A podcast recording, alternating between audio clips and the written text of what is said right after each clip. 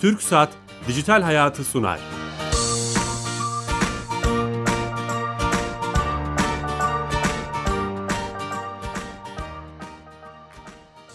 Herkese merhaba. Merhaba. TRT Radyo 1 mikrofonlarında teknoloji, internet ve sosyal medyanın hayatımıza etkilerini konuştuğumuz Dijital Hayat'a hoş geldiniz. Her cuma saat 15.30'da bu konuları çok değerli konularla, konuklarla ve e, e, belirlediğimiz konularla konuşmaya çalışıyoruz. Bugün e, çok değerli bir konuğumuz var. Önemli bir konuyu konuşacağız. Belki de hayatımızı çok etkileyen e, bir şeyi konuşacağız. Hepimizin çok takipçisi e, dijitalde var. Fakat bu takipçilik acaba yalnızlığa mı sebep oluyor? E, böyle bir etkisi de var mı? Çok takipçili yalnızlık jenerik başlığı altında çok değerli bir e, konu konu e, stüdyomuzda ağırlıyoruz. Yazar ve Nihayet Dergisi Koordinatörü Nazife Şişman hanımefendi bizimle. Hoş geldiniz. Hoş bulduk. Nasılsınız? Teşekkürler, sağ olun. Sağ olun. Bugün e, derginizin tam basılacağı günde buraya konuk oldunuz. Zaman ayırdınız. Çok teşekkür ederiz. E, ama öncesinde bizim sponsorumuz TürkSat. Oraya bağlanıyoruz. E, Türkiye Gov.tr'yi yapan kamu şirketi, Türkiye'yi dönüştüren, dijitalleştiren oradaki yetkili arkadaşımız Sami Yenice'ye bağlanıyoruz. Ve her hafta bize bir servisi, bir özelliği anlatıyor hayatımızı kolaylaştıran. Sami Bey hatta sanırım. Sami Bey. Bilal Bey iyi yayınlar. Nasılsınız? Teşekkür ederim. Sağ olun. Siz nasılsınız? Teşekkürler. Bu hafta hangi servisi bize anlatıyorsunuz? Evet, bu hafta E-Devlet kapısından sunmuş olduğumuz barkodlu belgelerden bahsedeceğim. Ee, sayı arttı. Ee, sunmuş olduğumuz barkodlu belgelerin sayısı. Ee, en son eklediğimiz ikametgah belgesiyle birlikte biliyorsunuz. Evet. Ee, neler var? Askerlik durum belgesi hizmetimiz var. Ee, adli sicil kaydını yine barkodlu olarak E-Devlet kapısından alabiliyorsunuz. Ee, öğrenci belgesi yine aynı şekilde E-Devlet kapısından barkodlu olarak alınmakta. Son olarak da e, önceki programlarda duyurduğumuz gibi ikametgah belgemizi de E-Devlet kapı, kapısından barkodlu olarak alabiliyoruz. Ve bu belgelerin doğrulamasını da yine E-Devlet kapısından Türkiye Gov.tr'den yapabiliyoruz. Hı hı. Bu barkodlarda verdiğimiz kurumla aslında bir şey olmuş oluyor değil mi? Teyit olmuş oluyor bir anlamda. Aynen, aynen. Kurumlar e, bu barkodlu belgeleri gene E-Devlet kapısındaki ilgili hizmetler, hizmetlere girerek sorgulayıp doğrulamasını yapabiliyorlar. Hı hı hı. Çok e, teşekkür ediyoruz. Bu, çok önemli bu barkod konusu. Diğer sanırım diğer servislerde de yavaş yavaş barkod sistemine geçeceksiniz. Öyle bir hedefiniz mi evet, var? Evet, evet. Özellikle Kesinlikle. çıktı aldığımız belgelerde. Aynen. Aynen. Hı hı. Çok teşekkür ediyoruz. Tüm ekibe ben selamlar. teşekkür ederim. Çok sağ olun. Kolay gelsin. Sağ olun. Güle güle. Evet TÜKSTA'da da bağlandık sponsorumuza. Ee, yeni açan dinleyicilerimiz için duyurmakta fayda var. Çok takipçili yalnızlığımızı konuşacağız. Eğer böyle bir şey varsa jenerik ismiyle çok değerli de bir konuğumuz var. Ee, dijital, dijital çağda Müslüman kalmak isimli çok aslında mutlaka herkese tavsiye ettiğimiz bir kitabın da yazarı ve Nihayet Dergisi'nin koordinatörü Nazife Şişman hanımefendiyle beraberiz. Nazife Hanım şöyle başlayalım mı bilmiyorum bir çelişki var mı bir ironi var mı? Şimdi e, e, e, dijital teknolojiler hayatımızda birçok iletişim e, kolaylığı getirdi. Çok fırsatlar da var. Hepimizin en azından kullananların takipçileri var. Ee, e, belki hiç onları görmedik, değmedik, dokunmadık, yüzlü bir yerde kahve içmedik ama birbirimizi takip ediyoruz. Fakat bir, bir de bir, bir, bir köşesi var işte bugün konuşacağımız konu yalnızlık meselesi var. Ee, çok takipçili yalnızlık dedik buna. Burada bir ironi var mı? Evet bir ironi var. Ee, esasında e, bu biraz sanal ile reel arasındaki ayrımla alakalı bir e, tanımlamaya dayanıyor bu. E, bizim e, evet çok takipçimiz olabilir. E, pek çok kişiyle iletişimde olabiliriz. E, ve bu dijital teknoloji sizin de bahsettiğiniz gibi bize bu imkanları veriyor. E, ama bunlar gerçekte ne kadar bizim yanımızda? E, bu soruyla aslında başlamak lazım. Ben bu konuda ilk e, belki metni yazan e, yazara e, adını zikrederek e, bu konuyu e, ele almak isterim. Sherry Turkle 1990'lı yıllarda ilk internet yaygın bir şekilde kullanmaya başlandığında kendisi psikolog, klinik psikolog. internetin insanlar arası iletişimi çok zenginleştireceğine dair bir eser kaleme alıyor. Diyor ki çok güzel bir fırsat bu. Herkes birbiriyle çok rahat iletişime geçecek ve bu insanlık için çok bir hayırlı kazan olacak. çok hayırlı olacak diyor. Kazanım diyor ve büyük bir iştiyakla kitabı yazıyor. Hatta döneminde Wired dergisine de kapak oluyor. Fakat aradan 15 yıl geçiyor. Kendi çocukları internetle birlikte büyüyorlar. Ve sanıyorum 2010'lu yıllarda 11-12 gibi bir tarihte tekrar bir kitap yazıyor. Adı Together Alone. Yani birlikte ama yalnız diye hani bir şarkı sözünde Evet, evet, e, var. E, belki öyle tercüme edebiliriz ya da kalabalık yalnızlık diye tercüme edilebilecek bir şey. Aslında e, orada çizdiği şöyle bir sahne çizerek e, giriş yapıyor kitabına. İşte bir aile yemeğindeyiz. E, kalabalık aile belki hani onlar Hristiyan oldukları için belki bir Noel yemeği bilmiyorum. E, ve e, herkesin elinde aslında hep birlikteyiz yani yılda bir kez görüşüyoruz belki ama herkes elinde cep telefonuyla ve ben dahil diyor.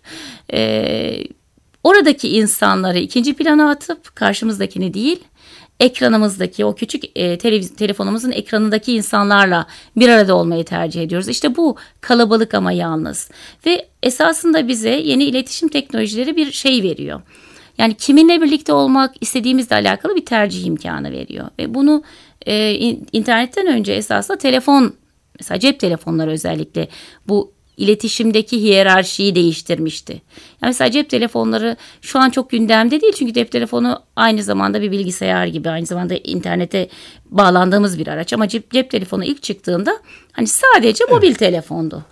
Şimdi o dönemde de şöyle bir e, şey vardı e, uygulamada. Yani bir topluluk içindesiniz telefon çalar.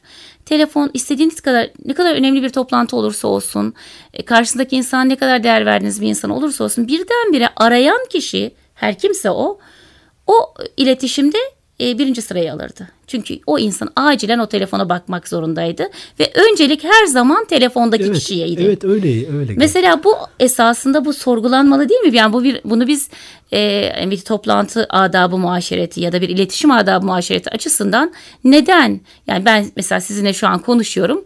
E, hani radyoda olmasak, yayında olmasak telefonum çaldığında esasında ben size randevu vermişsem telefonuma bakmamalıyım. Ama böyle bir adab muaşeret gelişmiyor. Telefondaki her zaman önceliği alıyor. E, şimdi bu iletişim bizim tarzımızı telefon böyle değiştiriyordu. Konumları, mekanları mesela ben hani telefondan başlıyorum çünkü bizim iletişim tarzımız biraz e, yani pek çok araç değiştirmişti ama telefonda çok bariz hale geldi mobil telefonda. E, şöyle bir şey mesela e, uzaktakini yakın hale getiriyor.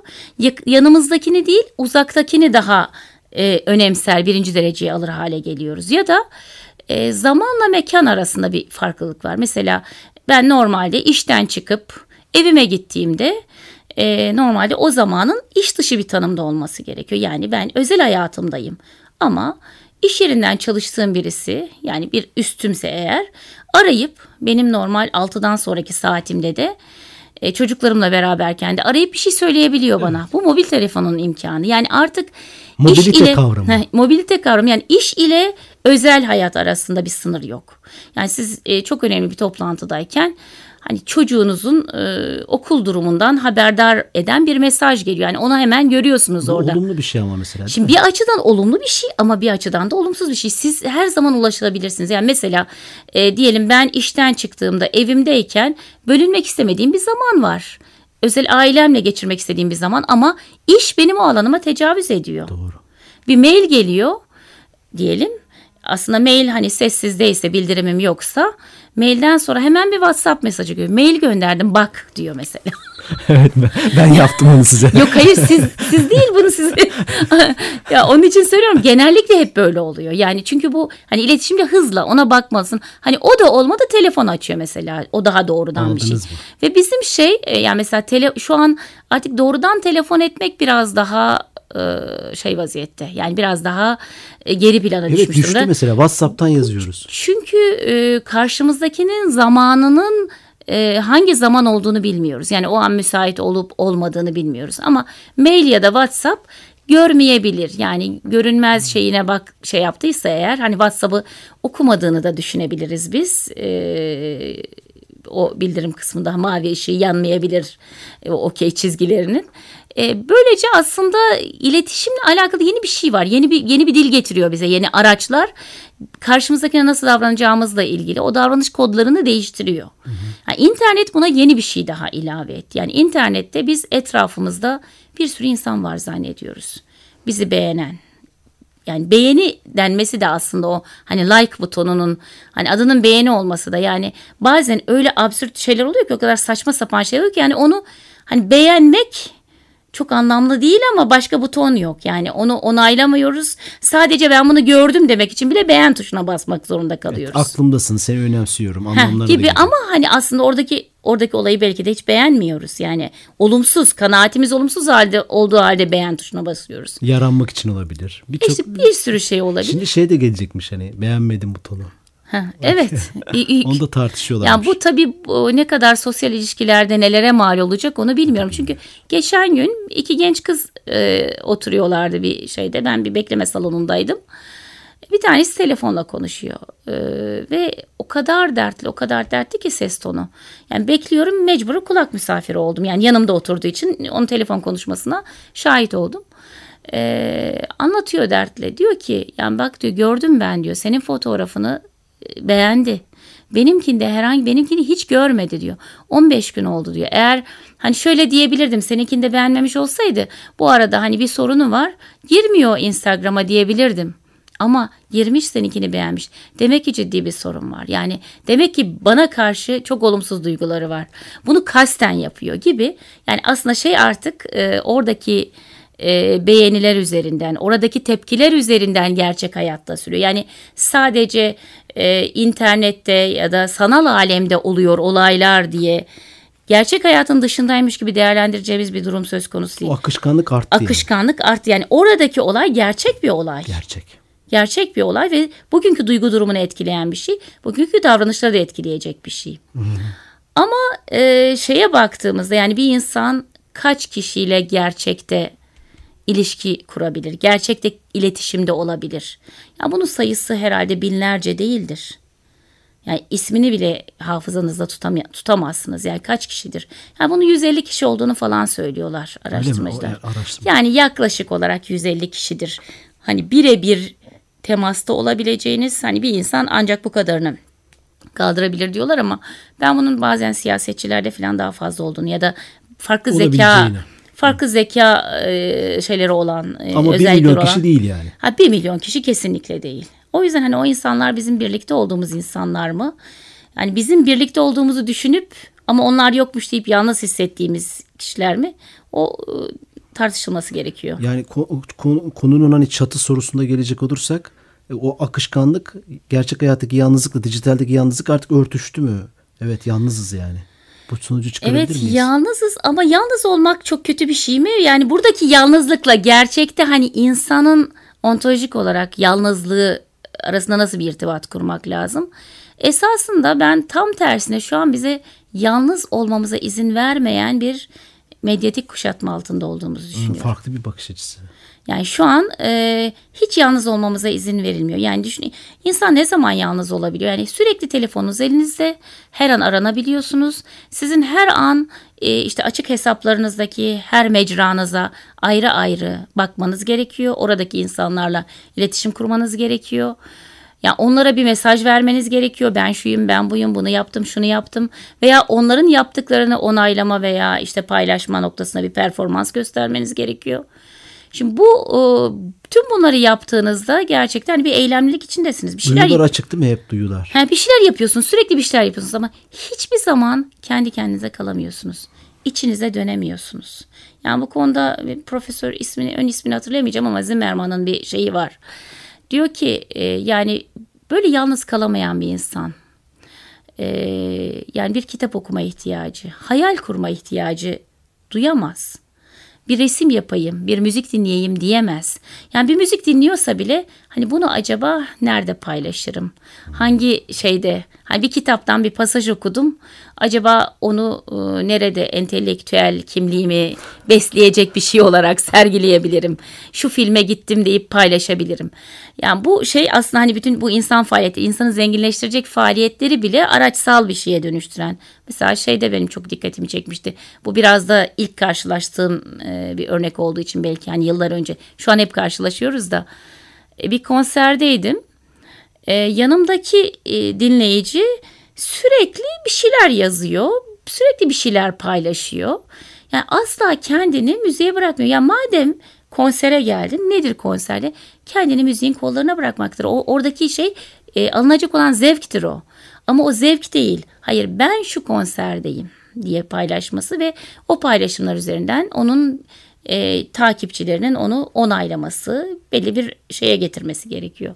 Yani bu tabii ki işte e, yani bir taraftan biz esasında takipçi dediğimiz kişiler gerçekte bizim hani orada her ne kadar adı friend ya da arkadaşsa da teknik ismi onlar bizim arkadaşımız değil. Bir araya girip bir şey sorabilirim. Tabii ki. Merak ettiğim sizin so- sosyolog ve sosyolojiyle ilgili çalışmalarınız da olduğunu biliyorum. Paylaşmak yaratılıştan gelen bir şey değil mi? Paylaşmak kötü bir şey midir? Yani bu hani kötü iyi veya o tartışmaya girmeyeyim de insanın Yok, doğası da var değil mi? doğal, Paylaşım Çok hani bir şey. Beğenilmek de fıtri bir şeydir. Yani marifet iltifata tabi diye bir atasözümüz var. Evet.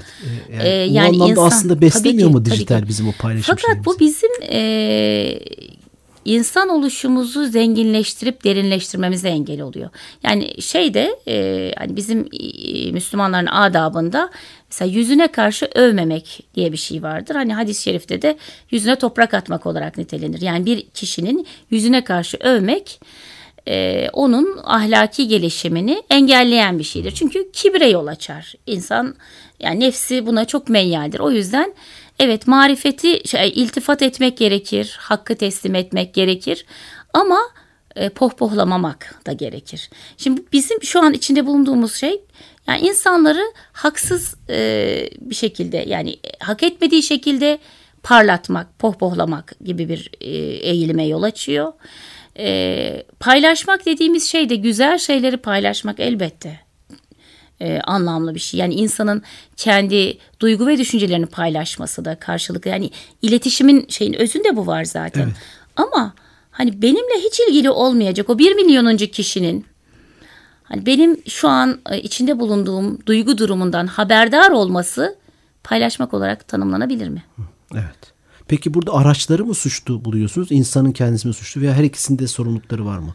Böyle bir tartışma Yani da var mı? şöyle tabii böyle bir tartışma var. Yani araçlar determinist bir şekilde şeyi belirler mi? Yani bu iletişim siz de biliyorsunuz bunu McLuhan'ın hani araç mesajdır dediğinden beri tartışılan bir şey. Yani ilk dönem herkes çok kabul etti. Ee, evet araç mesajı belirler, ortam şeyi belirler dendi. Ama hani bunun bizim dönüştürülebilir olduğunu aslında bazı şeyleri biz kendi televizyon izleme kültürümüz üzerinden görebiliriz.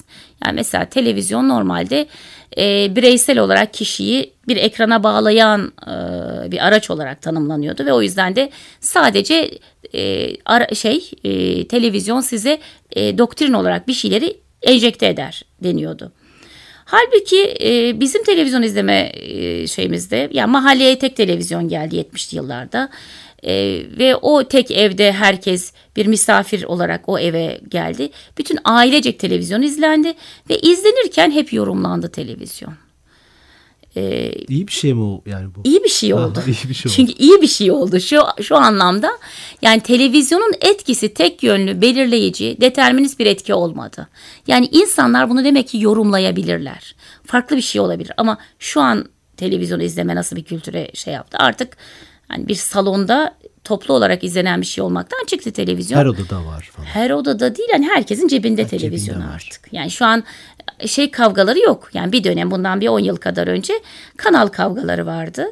Aileler içinde bayağı ciddi sorunlar oluyordu. İşte çocuklar, büyükler, karı koca arasında e, o diziyi izleyeceğim diyor, öbür maçı izleyeceğim diyor.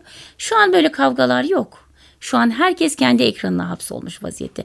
Yani şimdi bu mesela bu bu şu an içinden çıkamadığımız bir şey. Yani bireyselleşmeyi körükleyen bir şey. Hani kontrol etmek değil belki ama küçük çocukların özellikle ne izlediklerini bilmiyoruz. O açıdan hani bu, bu yalnızlık dediğimiz şey aile içinde de e, hani kalabalık yalnızlık dediğimiz şey aile içinde de geçerli. Yani bir aile bir evde yaşıyor ama hepsi birbirinden bağımsız.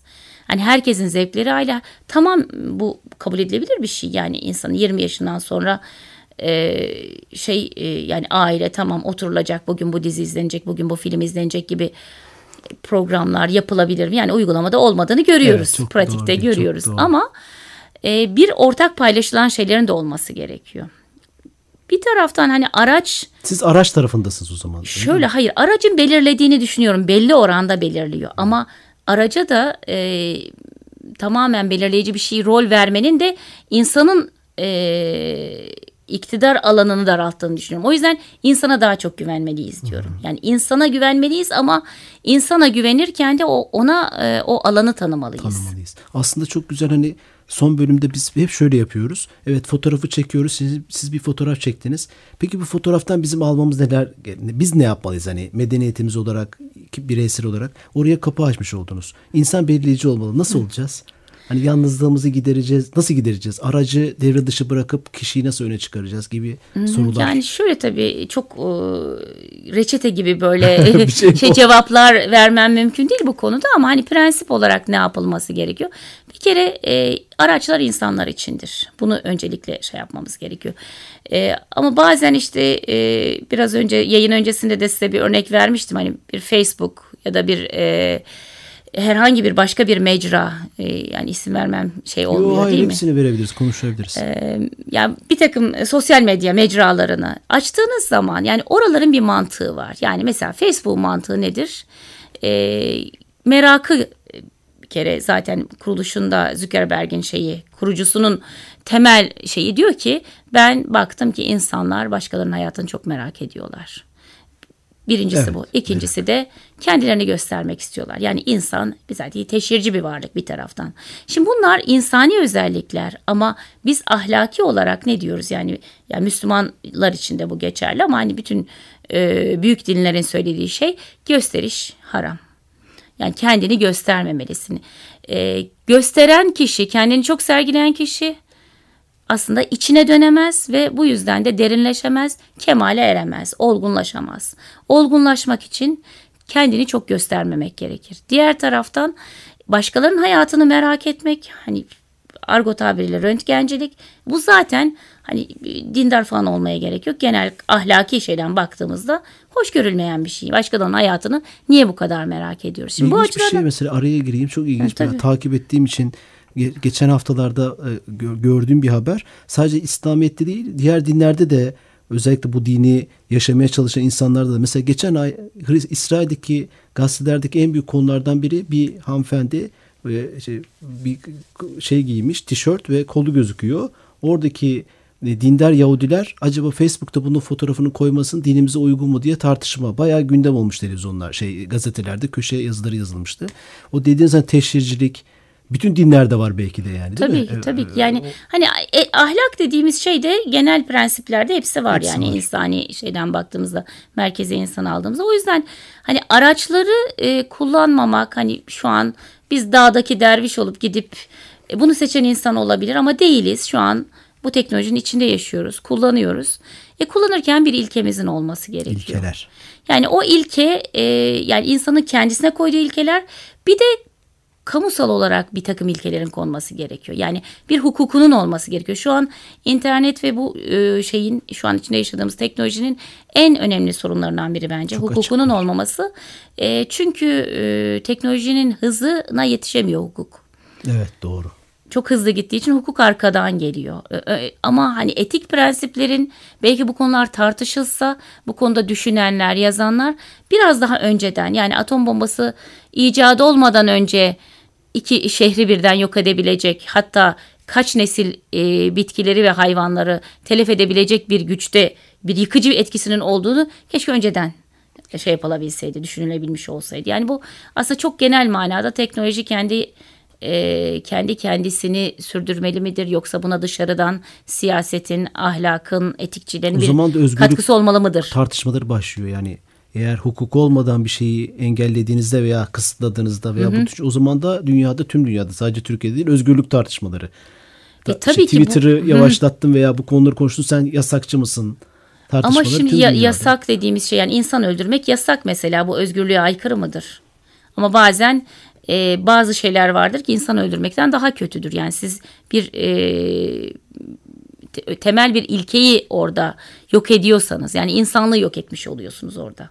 Evet, o açıdan doğru. ilkesinin oluşması İlkeler gerekiyor. Yoksa şey lazım. değil. Hani keyfi yasaklar tabii ki onaylanabilecek şeyler değil ama ilkelerin oluşması gerekiyor. Orada hani bireysel olarak da e, esasında bir belki e, fıkhi bir tabir kullanacağım ama zaruret miktarı diye bir şey var. E, bir tanım var. Ne demek? Ee, ben Fatma Barbarosoğlu çok kullanır arkadaşıma buradan da bir selam vermiş olayım. Ee, aslında bu fıkhi bir tabir. Bir şeyi mesela e, hangi miktarda kullanmanız sizin ihtiyacınızı görecekse o kadar. Yani Diyelim siz Twitter'ı kullanıyorsunuz, bir iş yapıyorsunuz, bir toplumsal konumunuz var, o, konunun, o konumunuz için kullanıyorsunuz. Ama bir de işte başkalarına saldırmak için kullanabilirsiniz, kendinizi sergilemek için kullanabilirsiniz. Yani esasında ucu açık. Orada kişinin kendi şeyi içindir. İlkesini kendi kendisine koyabileceği bir ilkedir. Ee, aslında hani zaruret miktarı ilkesi şey için verilir. Hani ölmeyecek kadar mesela içki içebilirsiniz. Susuzluktan öleceksiniz. Ee, şarap e, hani birkaç yudum içebilirsiniz. Ölmeyecek kadar çok açsanız birkaç lokma domuz eti yiyebilirsiniz. Fıkıhta böyle bir şey vardır. Buna zaruret miktarı denir. Ama hani nasılsa yedim ben iki, iki lokma içtim şeyden e, hani şu şişeyi de bitirivereyim değil. değil. Yani buna bu ilkeyi buraya uygulamak e, gibi bir tabii bu şey. da nesilden nesile değişir. Şimdi bizim jenerasyonumuz başka, 16 tabii, yaşındaki tabii ki şey tabii yapar. ki onlar için farklı olacaktır. O yüzden hani e, çok genel bir şey koymuyorum. Burada ilkeyi koyalım. İlkeler. Bir de sadece jenerasyon değil kişiye göre de değişir bu. Yani kişinin ihtiyacına da göre değişir. O açıdan e, yani içinde bulunduğumuz aslında durumu iyi şey yapmak gerekiyor. Analiz etmek gerekiyor. Yani farkında olmak gerekiyor. Bu e, şu an yani beni en çok endişeye sevk eden şeylerden birisi aslında bir idraki öldüren bir aşırı hareketliliğe sebep verdiği için şu anki iletişim e, riskli. Evet. Ee, Süremiz bitti. çok keyifli ve çok derin güzel bir tartışma ve konuşma oldu. Çok istifade ettik. Çok teşekkür ederiz. Nazife teşekkür Dijital Çağda Müslüman Kalmak kitabını insan yayınlarından mutlaka öneriyoruz herkesin satın almasını. Nihayet Dergisi Koordinatörü ve yazar Nazife Şişman çok teşekkür ederiz. Katıldınız. Maalesef süremiz bitti. Haftaya yeni konu ve konuklarla beraber olacağız. İyi hafta sonları. Hoşçakalın.